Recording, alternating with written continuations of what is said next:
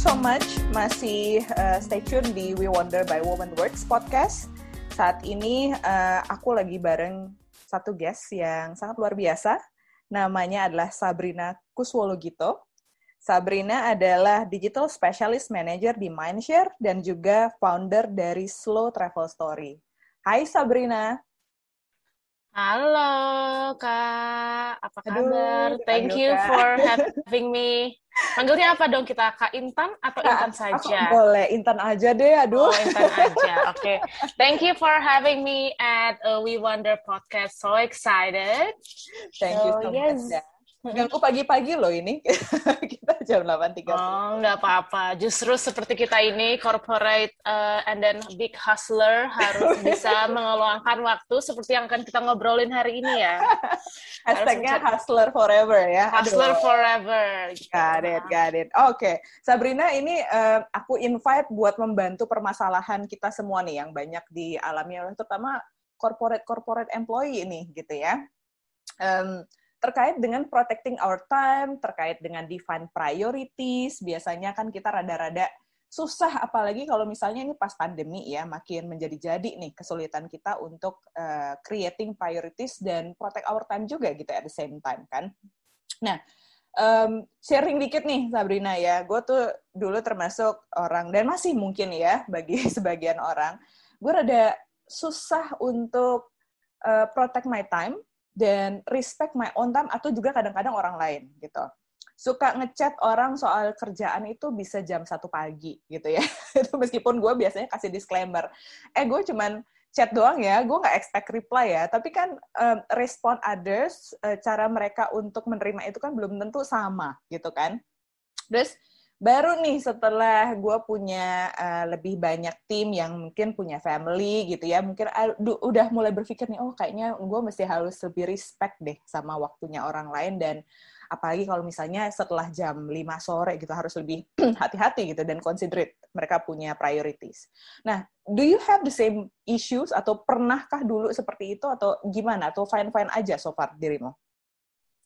Hmm Of course dong pernah, nggak mungkin nggak pernah. Apalagi especially kalau misalnya pas kita baru mulai kerja, intern, pasti nggak mungkin menolak lah ke manajer kita atau ke bos kita. Habis kita kan merasa kayak guilty gitu. Tapi in the end kayak so far aku udah kerja selama I think more than five years, almost mm -hmm. 10 years now. Mm -hmm. uh, dan gradually emang udah mulai mudah sih bilang kayak tidak atau no buat uh, tolong jangan ganggu gue atau saya hmm. pada saat jam tertentu gitu. Hmm. Dan especially pas pandemi ini kayak, uh, kayaknya tuh semua orang merasa 24 jam tuh waktu kerja kan, apalagi pas iya. awal-awal yeah. kita di uh, lockdown gitu. Jadi uh, karena merasa waktu banyak banget, oke okay, orang kerja gitu buat meng menutupi ke tiba-tiba ke kosongan waktu ini kan. Hmm. Hmm. Cuman in the end jadinya kan burn out, stres terus malah nggak produktif jadi mulai nih kerasa I think we need to protect my time again gitu loh buat mm -hmm. uh, lebih produktif jadi kalau bisa dilihat sih what is my typical day like itu especially uh, pas lagi kerja ya karena kerja kan di media agency yang di, cukup demanding dan kerjanya ya bisa overtime lah kayak mm -hmm. gitu jadi kalau aku sih lebih fokus ke karena aku tahu nih uh, waktu kreatif aku karena kerjaanku cukup kreatif jadi harus bikin deck, bikin strategi, bikin apa ya sesuatu yang baru dipikirin banget gitu kan untuk yeah. klien. Uh, dan aku tahu waktu kreatif aku tuh pagi, which is sebelum uh, di bawah jam 12 siang. Ah. Jadi how ya gitu. Karena setelah itu pasti uh, kayak udah mulai-mulai uh, apa ya gimana ya kayak mulai-mulai apa ya capek ngantuk gitu lah biasa kan kalau di kantor kan kita jam-jam tidak produktif terus jajan ke kantin kan. Iya iya iya kalau di rumah kan kalau di rumah kan nanti malah kayak aduh tidur siang kayak enak. Tapi kan nggak mungkin gitu rasanya kan. jadi untuk memprotect my time aku uh, set uh, untuk tidak uh, sebisa mungkin kan ya, sebisa mungkin untuk tidak menerima calls atau kayak meeting di bawah jam 12 siang gitu. Hmm. Kalau misalnya bisa dikomunikasikan atau via email dulu, itu aku akan lebih prefer itu dibandingkan kayak jam 9 pagi kita meeting gitu. Karena it's a very uh, unproductive menurutku, hmm. depending on the meeting sih. Apalagi kalau misalnya cuman uh, perkenalan, intro, ada partner baru, atau mungkin uh, sharing information yang sebetulnya 15 menit atau by email tuh sebetulnya udah bisa selesai. Uh, okay. Jadi gitu. Uh, jadi sebisa mungkin aku tidak menerima calls dan tidak men-setup calls karena aku tahu karena aku tidak menerima pasti aku tidak akan menyuruh orang bikin calls dengan aku di bawah jam 12 siang dong. I see, understand. Hmm. Jadi uh, di waktu jam di bawah jam 12 siang itu aku pakai untuk kerja yang ber, ber very demanding and creative and then baru deh mulai buka email or everything dan di bawah 12 yang ini aku juga sebisa mungkin gak cek email sih oh. mungkin cek email hmm. tapi kayak hmm. lebih kayak skim through gitu kalau ada yang urgent kan biasa kelihatan baru tuh aku respon cepat tapi kalau yang Uh, I think I know this this has a more uh, flexible time. I wouldn't respond until like at least afternoon kayak gitu sih. Uh, mungkin ada beberapa temenku, uh, kolegaku atau temenku yang kayak ngerasa aneh gitu awal-awal kayak hmm. gemes ini. Aduh gimana sih ini kok nggak dicek nggak dibalas cepat. Tapi hmm, lama-lama hmm, hmm, mereka kayak nyadar juga sih kayak your email mungkin bagi mereka prioritas. Tapi pas dilihat uh, apa ya keperluannya tuh sebetulnya it it's you have more time gitu uh, buat nge-answer and everything gitu. Jadi then they will they kayak realize and then kayak lebih oke okay sih kayak oh ngerti sih kenapa gini gini gini karena kalau nggak nanti the the biggest the biggest uh, apa ya kerjaan tuh nggak kelar Iya, Sedangkan exactly. kan kalau agency tuh uh bertubi-tubi gitu kan kayak ada brief baru, ada plan baru, terus uh, tiba-tiba maunya di present besok. Kalau misalnya kayak kita dapat brief baru hari ini terus besok present kan nggak mungkin gitu kayak call sama lama brainstorming lama-lama. It has to we need to get the job done. Basically gitu sih. Exactly. Karena klien nggak akan peduli gitu berapa lama kita host atau brainstorming. Sebelumnya I, ya. Iya, I just want want it done gitu kan. Ya ya gimana lah. Oke, ya, begitu. Okay, understand, understand. Semoga tuh nggak kepanjangan ya. Eh, no, no, no, no, it's okay. Berarti pertama ya, uh, dirimu tahu exactly sebenarnya pro, your productive uh, productive time itu kapan kan? Itu berarti ya. I mean like knowing our our uh, biological juga ya. Kalau misalnya dirimu anaknya pagi dan semua creative things yang butuh konsentrasi diusahakan semuanya ditaruh pagi gitu. Maybe someone out there mungkin kreatifnya malam. I don't, I don't know ya. Mereka tergantung. Iya benar. Kalau yang malam pasti malam. Hmm, hmm, okay, Cuman ini uh, banyak trial and error juga sih. Karena kan oh, konsep. Hmm. No pasti kan pas mulai kerja nggak mungkin lah bisa tahu hal-hal kayak gini gitu. Karena pas kita hmm. lagi kuliah tuh ya lebih fleksibel, lebih santai, nggak ada pressure banget kan, kayak lebih banyak hahi lah sama teman yang ngerjain bareng gitu. Paling yeah. nilainya jelek, udah gitu aja. Uh, iya, jadi Sekarang pas, ini ya, tanggung jawab sama orang lain ya. Tanggung jawab sama duit orang lain mungkin tepatnya ya, nggak bisa itu dimainkan. gitu sih. Ya, jadi ya, it has trial and error sih. Hmm. Dan um, dan juga aku sempat uh, kebetulan uh, beruntung untuk tinggal dan kerja di luar negeri mm-hmm. yang uh, masalah waktu itu lebih strict dari sekarang mm-hmm. itu. Mm-hmm. Kalau kalau orang lihat kalau Syabrina kok nggak mau buka email atau balas email sebelum jam 10 pagi gitu. Uh, atau misalnya meeting eh, mungkin di sini aneh, tapi di luar negeri tuh udah biasa gitu kadang dan ya. yang orang ngeliat aku ngerasa strict dengan waktu gitu agak saklek uh pas di sana aku masa masih ngerasa kayak loose banget gitu loh especially the fast paced environment betul aku pernah kerja di New York jadi kayak uh, dua kali lipat malah kadang tiga kali lipat gitu pace daripada kerja di Jakarta gitu hmm, sih. Hmm, hmm, hmm. Nah ini mungkin uh, yang jadi challenge ya Sabrina ya. Kalau misalnya during transitions kan kamu tadi bilang ya pas di awal-awal mengkomunikasikan agar orang lain respect your time, juga understand kamu punya uh, waktu, concentration-nya kapan gitu kan. Itu kan pasti banyak orang gemes ya, seperti kamu bilang gitu. Banyak orang gemes gitu kan di sekitar kita kayak, kok gue gue kirim email lu belum reply sih gitu padahal mungkin secara priority sessions kita nggak se-urgent yang uh, mereka gembar-gemborkan gitu ya gimana dirimu itu uh, overcome komplain gitu ya dari orang-orang sekitar during transitions ini pas dirimu itu mencoba untuk mengkomunikasikan your time itu seperti apa? Hmm, oke, okay.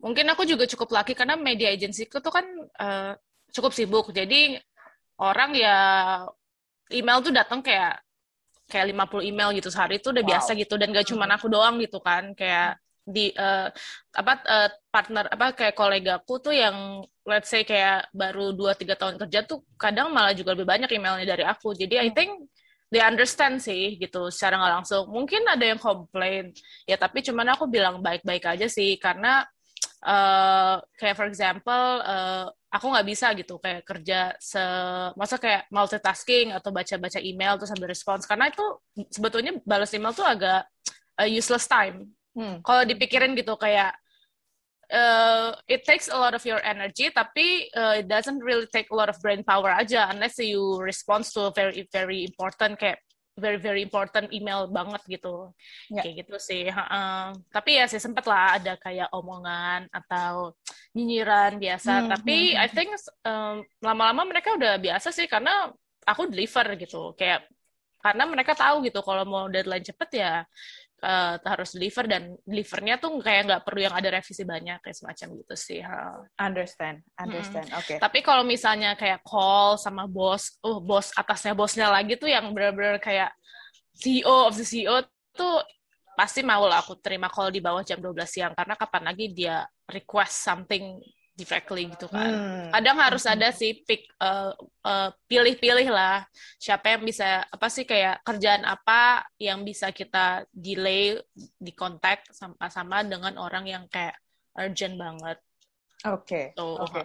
Nah ngomongin soal bos gitu ya, biasanya kan apalagi kalau anak-anak baru ya, fresh graduate atau misalnya intern tadi yang uh, Dirimo mentions, biasanya kan lebih nggak enakan ya kalau bilang no gitu. Dan gue tuh sering baca artikel, buku, pasti bilangnya kayak kalau misalnya kamu mau respect your time, mau deliver quality kerjaan yang lebih bagus, itu lo harus tahu kapan say no dan pada apa gitu. Cuma gue tuh rada susah kalau misalnya yang request itu tuh pasti atasan kita meskipun sometimes gitu ya itu kita tahu bahwa aduh ini kayaknya kurang priority dari sisi prioritas gue gitu ya.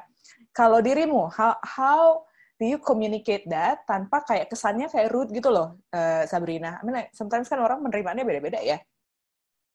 Iya, susah sih kalau misalnya baru mulai kerja atau intern karena emang emang itu susah banget karena kita benar-benar lagi masuk ke dunia apa ya real life yang yang berber apa ya politik dan apa sih uh, it's a real world gitu a tough world gitu loh kita nggak mm -hmm. uh, somehow we don't really make friends but we have to manage everything juga kan. Mm-hmm. Uh, jadi sih mungkin say no-nya lebih gimana ya? Mungkin gini kali ya. Uh, mungkin bagi kita, bagi sebagai intern ya aku yang mungkin sebagai intern itu nggak penting bagi aku. Tapi bagi bos aku itu penting. Iya kan? Nggak mungkin mm-hmm. dia kayak barraging us atau kayak maksa kayak aduh kerjaan gini-gini gitu. Jadi uh, what I will do is I, and then I read this really good article is mm-hmm. all about managing your boss.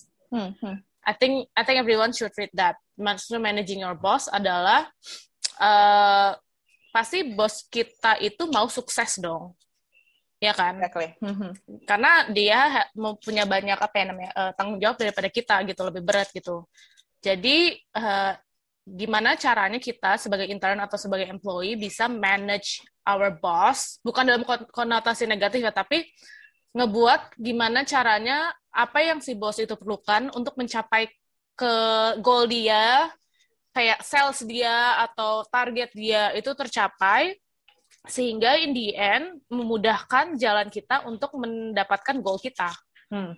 Make sense hmm. nggak? Yeah. Karena yes. mm-hmm. karena kita intern kita anak baru gitu, nggak mungkin kan tiba-tiba ngomong, bos uh, saya mau dong uh, naik gaji gitu, saya mau dong project ini. You have to itu loh harus prove mm-hmm. your your work dong. Nggak mungkin lah bos baru kayak bisa kayak gitu juga kan. Jadi ha, uh, how you can help your boss membantu bos kamu mendapatkan goal dia sehingga kamu juga mendapatkan goal kamu.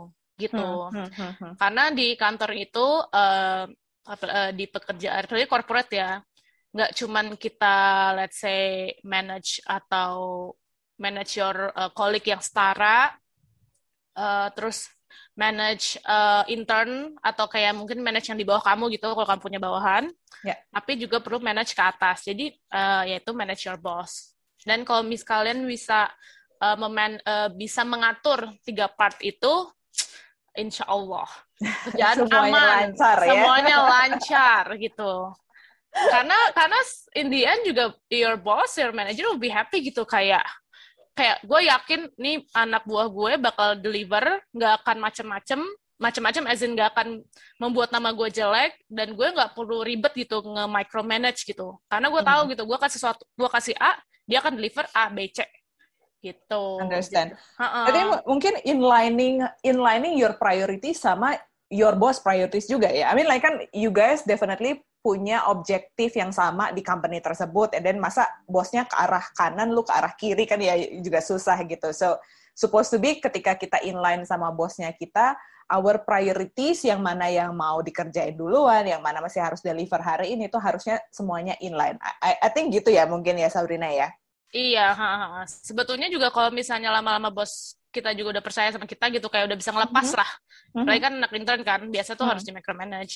Itu akan kalau misalnya bos kita udah bisa ngelepas kita itu akan lebih enak uh, say no-nya malah karena mereka tahu oh dapet pasti dia lagi ya? dapat trustnya, dapat trust exactly. percayanya. Hmm. Oh, hmm. anak buah gue lagi sibuk nih pasti kelar lah Hmm. Tahu lah waktunya. Karena bos kalian juga pasti tahu kan kerjaan yang di request ini butuh berapa lama. Dia pasti juga pengen tahu seberapa niatnya ngerjainnya dan seberapa bagusnya gitu. Exactly. Itu sih. Exactly. Oh. Okay. Managing your boss is very important. ya, itu benar benar benar. Tapi memang butuh skill juga sih. I mean like open yeah. communication sampai trust itu tuh benar-benar kecapai gitu kan. Kalau misalnya trustnya udah dapet, semuanya kayaknya enak gitu. Iya, aman-aman aja. Uh -uh, betul, betul, betul. Nah, kalau misalnya kita ngomongin geser ke uh, peer nih ya, um, terutama during pandemi, kadang-kadang uh, meeting itu bisa super pagi, bisa jadi super malam, dan apalagi kalau misalnya kita harus invite terlalu banyak audience dalam meeting. Ini ini happen di gua ya. I mean like kadang satu meeting bisa lebih dari 10 orang. Nah, itu kadang-kadang pack dan gue juga bisa part jadi part of meeting yang gue tuh biasa sebenarnya nggak ngerti gitu ini harapannya gue join untuk di contribute apa sih sebenarnya dalam meeting ini gitu kan so dari sana gue juga mengevaluasi diri gue sendiri nih Sabrina I mean like ketika gue invite seseorang gitu ya, apakah gue expect something dari orang ini? Dan apakah perlu banget nih kita bicara dalam meeting? Atau cukup email kah? Atau cukup chatting gitu sebenarnya? Dan itu kan I think part of uh, respecting orang lain punya time juga ya in this case gitu. Dan uh, dirimu sendiri uh, Sabrina, how do you manage antara channel communications nih? Mana yang email, mana yang mesti chatting, mana yang mesti beneran meeting gitu dalam implementasi sehari-hari? Hmm, Oke, okay. hmm, aku juga sering sih karena kalau misalnya aku, uh, maksudnya kalau kerjaanku tuh emang harus tektokan sama hmm. kayak dua tim yang berbeda, is planner sama kayak ada influencer juga gitu, influencer tim lah. Hmm. Dan kadang klien dan kadang uh, creative agency yang which is lebih jauh gitu kan creative agency kan uh, beda company sama kita, hmm. hmm. jadi kita nggak tahu nih workload dia sama sekali. So I think uh, how I manage it kayak apakah lebih baik kita meeting bareng in like Zoom call in person like call gini atau semuanya via email juga bisa itu uh, dilihat dari projectnya sih. Hmm. Kalau aku ya ngeliatnya kayak, let's say bagianku uh, apa yang aku kerjain itu cuman butuh satu orang atau dua orang dari tim A sama B gitu. Ya udah aku dan mereka dan aku tahu mereka ini eh mereka ini bisa memberikan input dan aku perlu input mereka. Tapi hmm. untuk tim C, which is for example creative agency, uh, at that time at that part of the project, I don't need them karena nanti kalau mereka ikut meeting juga uh, it's useless for them, mereka cuma dengerin, gak penting gitu loh, hmm, kayak hmm, hmm, it's better to get my part done than them. Jadi ya udah aku nggak involve mereka. Hmm, kayak gitu karena aku tahu uh, everybody is busy gitu. Kayak aku aja mau request meeting kantor sama temen satu kantorku aja satu timku aja tuh mesti kadang aku kasih dua sampai tiga waktu kayak choose dong time-nya ini oke okay nggak buat lo kalau ah, oke, okay, gue plot yeah. nih di kalender gitu, yeah. kayak gitu. Dan especially kalau misalnya meeting itu, uh, aku uh, sebisa mungkin nggak pernah masukin waktu tuh satu jam. Karena kalau kita masukin hmm. waktu satu jam, pasti satu jam.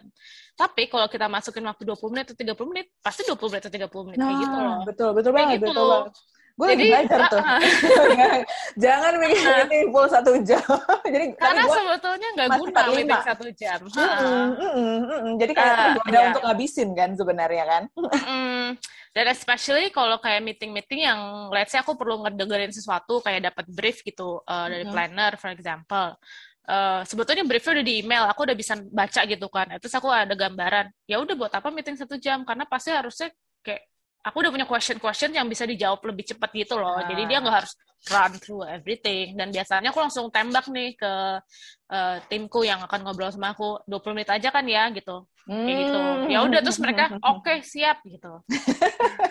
Jadi over iya. ya. Dan ini dan ini emang udah aku lakukan dari uh, sebelum Covid juga gitu. Oh, okay. Karena 20 menit tuh I think it's a very productive time karena langsung succinct gitu loh. Maksudnya kayak produktif terus semuanya yang penting-penting aja dikeluarin sisanya ya kan tinggal WhatsApp atau apa. Kalau misalnya urgent banget baru dilanjutin kayak gitu sih ini, ini tips bagus nih. Kayaknya gue mau praktekin nih.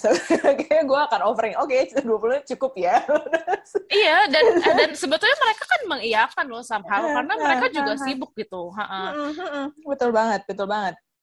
So knows which one yang decision maker mungkin ya decision makernya siapa apa dan kita juga mungkin membantu juga si organizer adalah preparing our questions juga ya kali ya in this case gitu sebelum sebelum meeting daripada baru wandering around during meeting dan gak jelas mau ngalor ngidul mau ngapain gitu kan hmm. dan mungkin oh ya aku ada satu lagi uh, hmm. biasanya kalau meeting let's say ini lebih dari tujuh orang gitu hmm. kayak misalnya ada uh, kayak nunggu kayak ada di dalam call itu ada orang yang nunggu ngomong atau ternyata pas ngomong udah selesai ya udah dia sebetulnya nggak perlu di meeting itu karena dia udah done the part gitu loh. Dia nggak oh, perlu okay. stay di satu jam kan.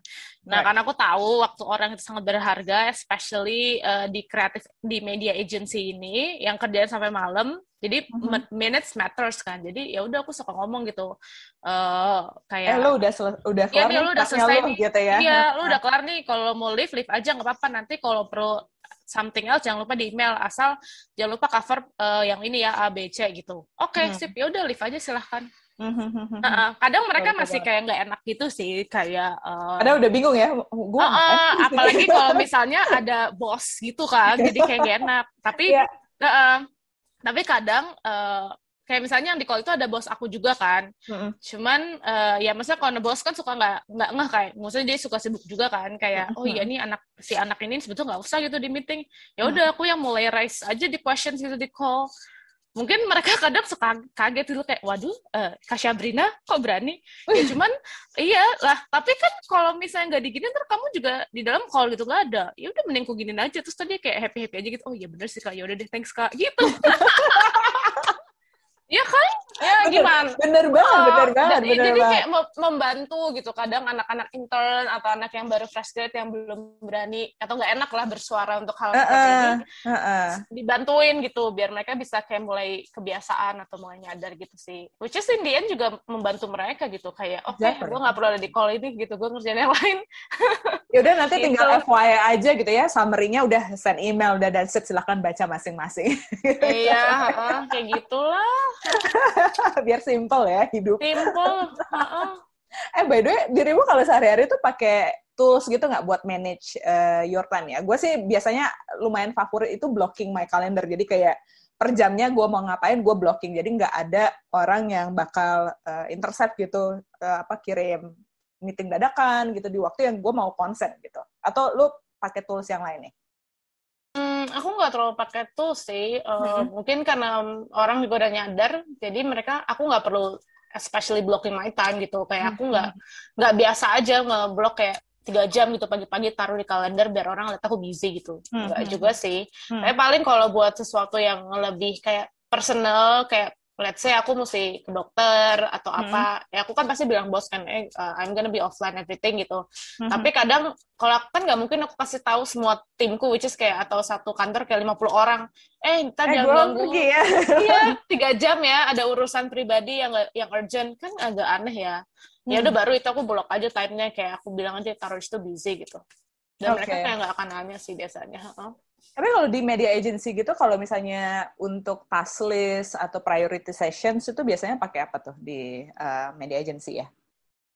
Hmm, maksud task list, prioritization bisa kita pakai, maksud kayak Teams ya, Microsoft Teams sih kita kalender. Oh, oke, okay. uh. understand. Uh, uh.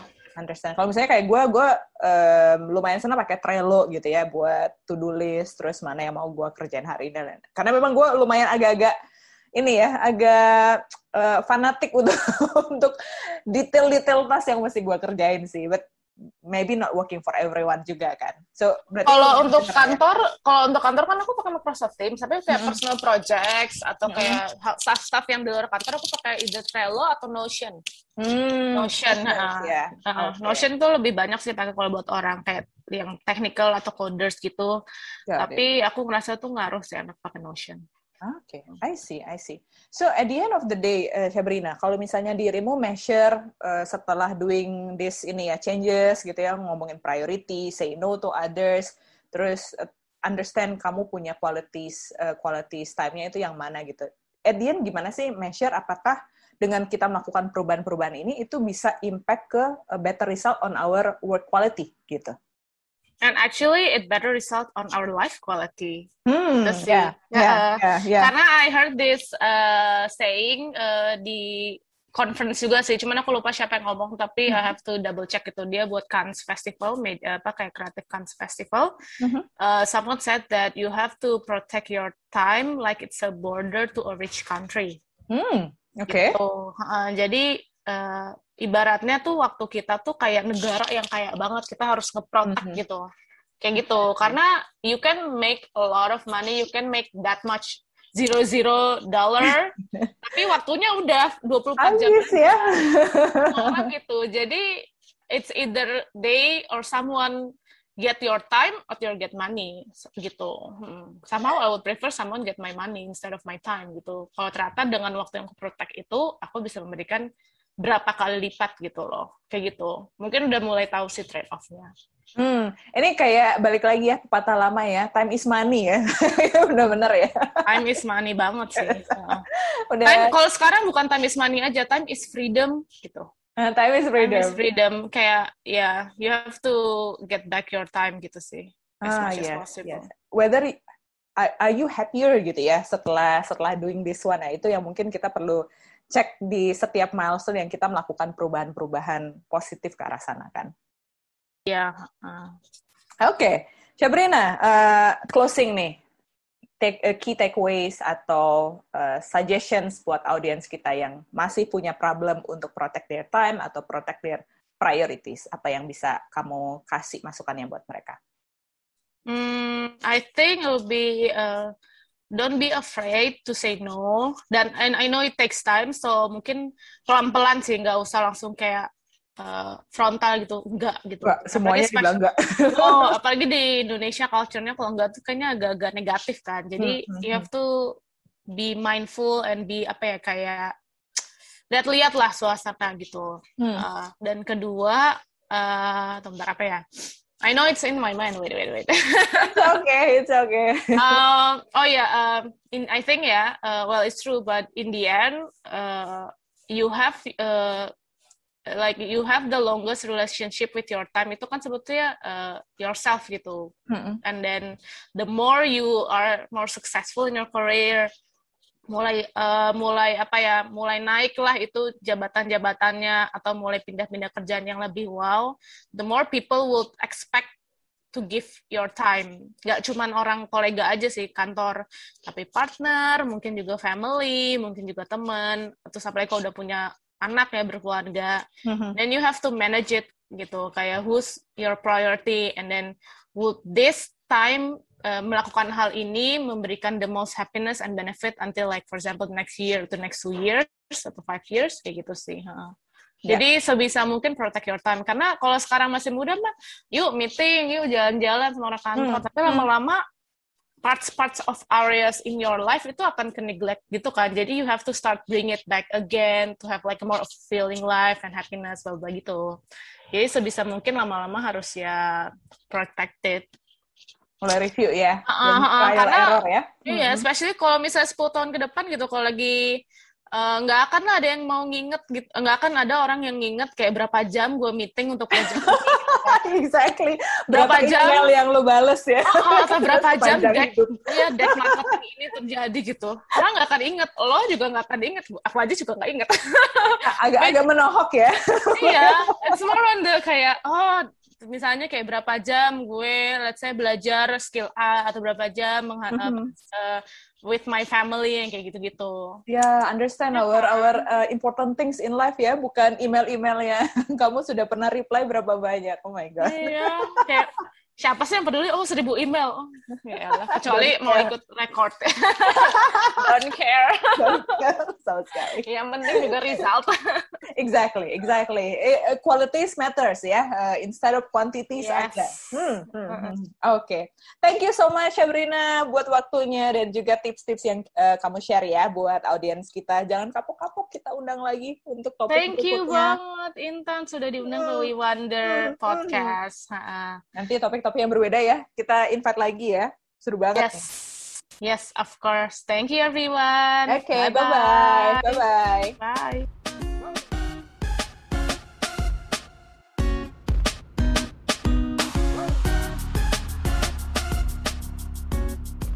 bagi kalian yang ingin mendaftar menjadi mentor atau misalnya mau ikut mentoring sama mentor-mentor yang udah ada di Womanworks, silakan langsung daftar ke womanworks.io Terus jangan lupa juga follow our social media kita di Instagram at womanworksid.